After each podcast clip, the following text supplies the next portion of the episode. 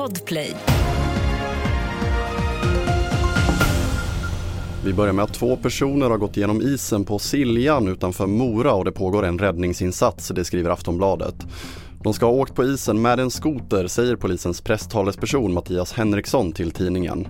Räddningstjänst, polis, ambulans och Sjöräddningssällskapet är på plats och enligt initiala uppgifter så har personerna tagit sig upp på isen igen men skadeläget är oklart. Fortsätter vi med att annandagen, det är en stor hemvändardag och det gäller att vara extra försiktig på vägarna. Enligt Bengt Olsson, presschef på Trafikverket, så kommer trafiken tätna runt lunchtid på tisdagen och hålla på till sent på kvällen. Även om det kanske inte blir riktigt lika intensivt när det gäller antal bilar som är där ute som det var kanske på fredag före julafton. Så, så är det väldigt mycket trafik ändå, inte minst kring storstäderna. Och vi avslutar med sport för Peter Wettergren blir ny teknisk direktör på Svenska Fotbollförbundet. Det avslöjade ordförande Fredrik Reinfeldt i Nyhetsmorgon. Tillsammans med den nya kollegan Caroline Sjöblom ska den före detta assisterande förbundskaptenen för herrlandslaget driva utveckling och på lång sikt stärka landslagsverksamheten och talangutvecklingen.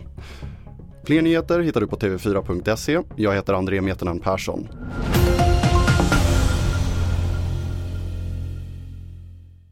you poddtips från Podplay. I podden Något Kaiko garanterar östgötarna Brutti och jag, Davva, dig en stor dos skratt.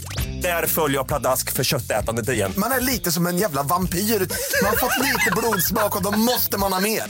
Udda spaningar, fängslande anekdoter och en och annan arg rant. Jag måste ha mitt kaffe på morgonen för annars är jag ingen trevlig människa. Då är du ingen trevlig människa, punkt. Något Kaiko, hör du på Podplay. Därför arkadeinerna.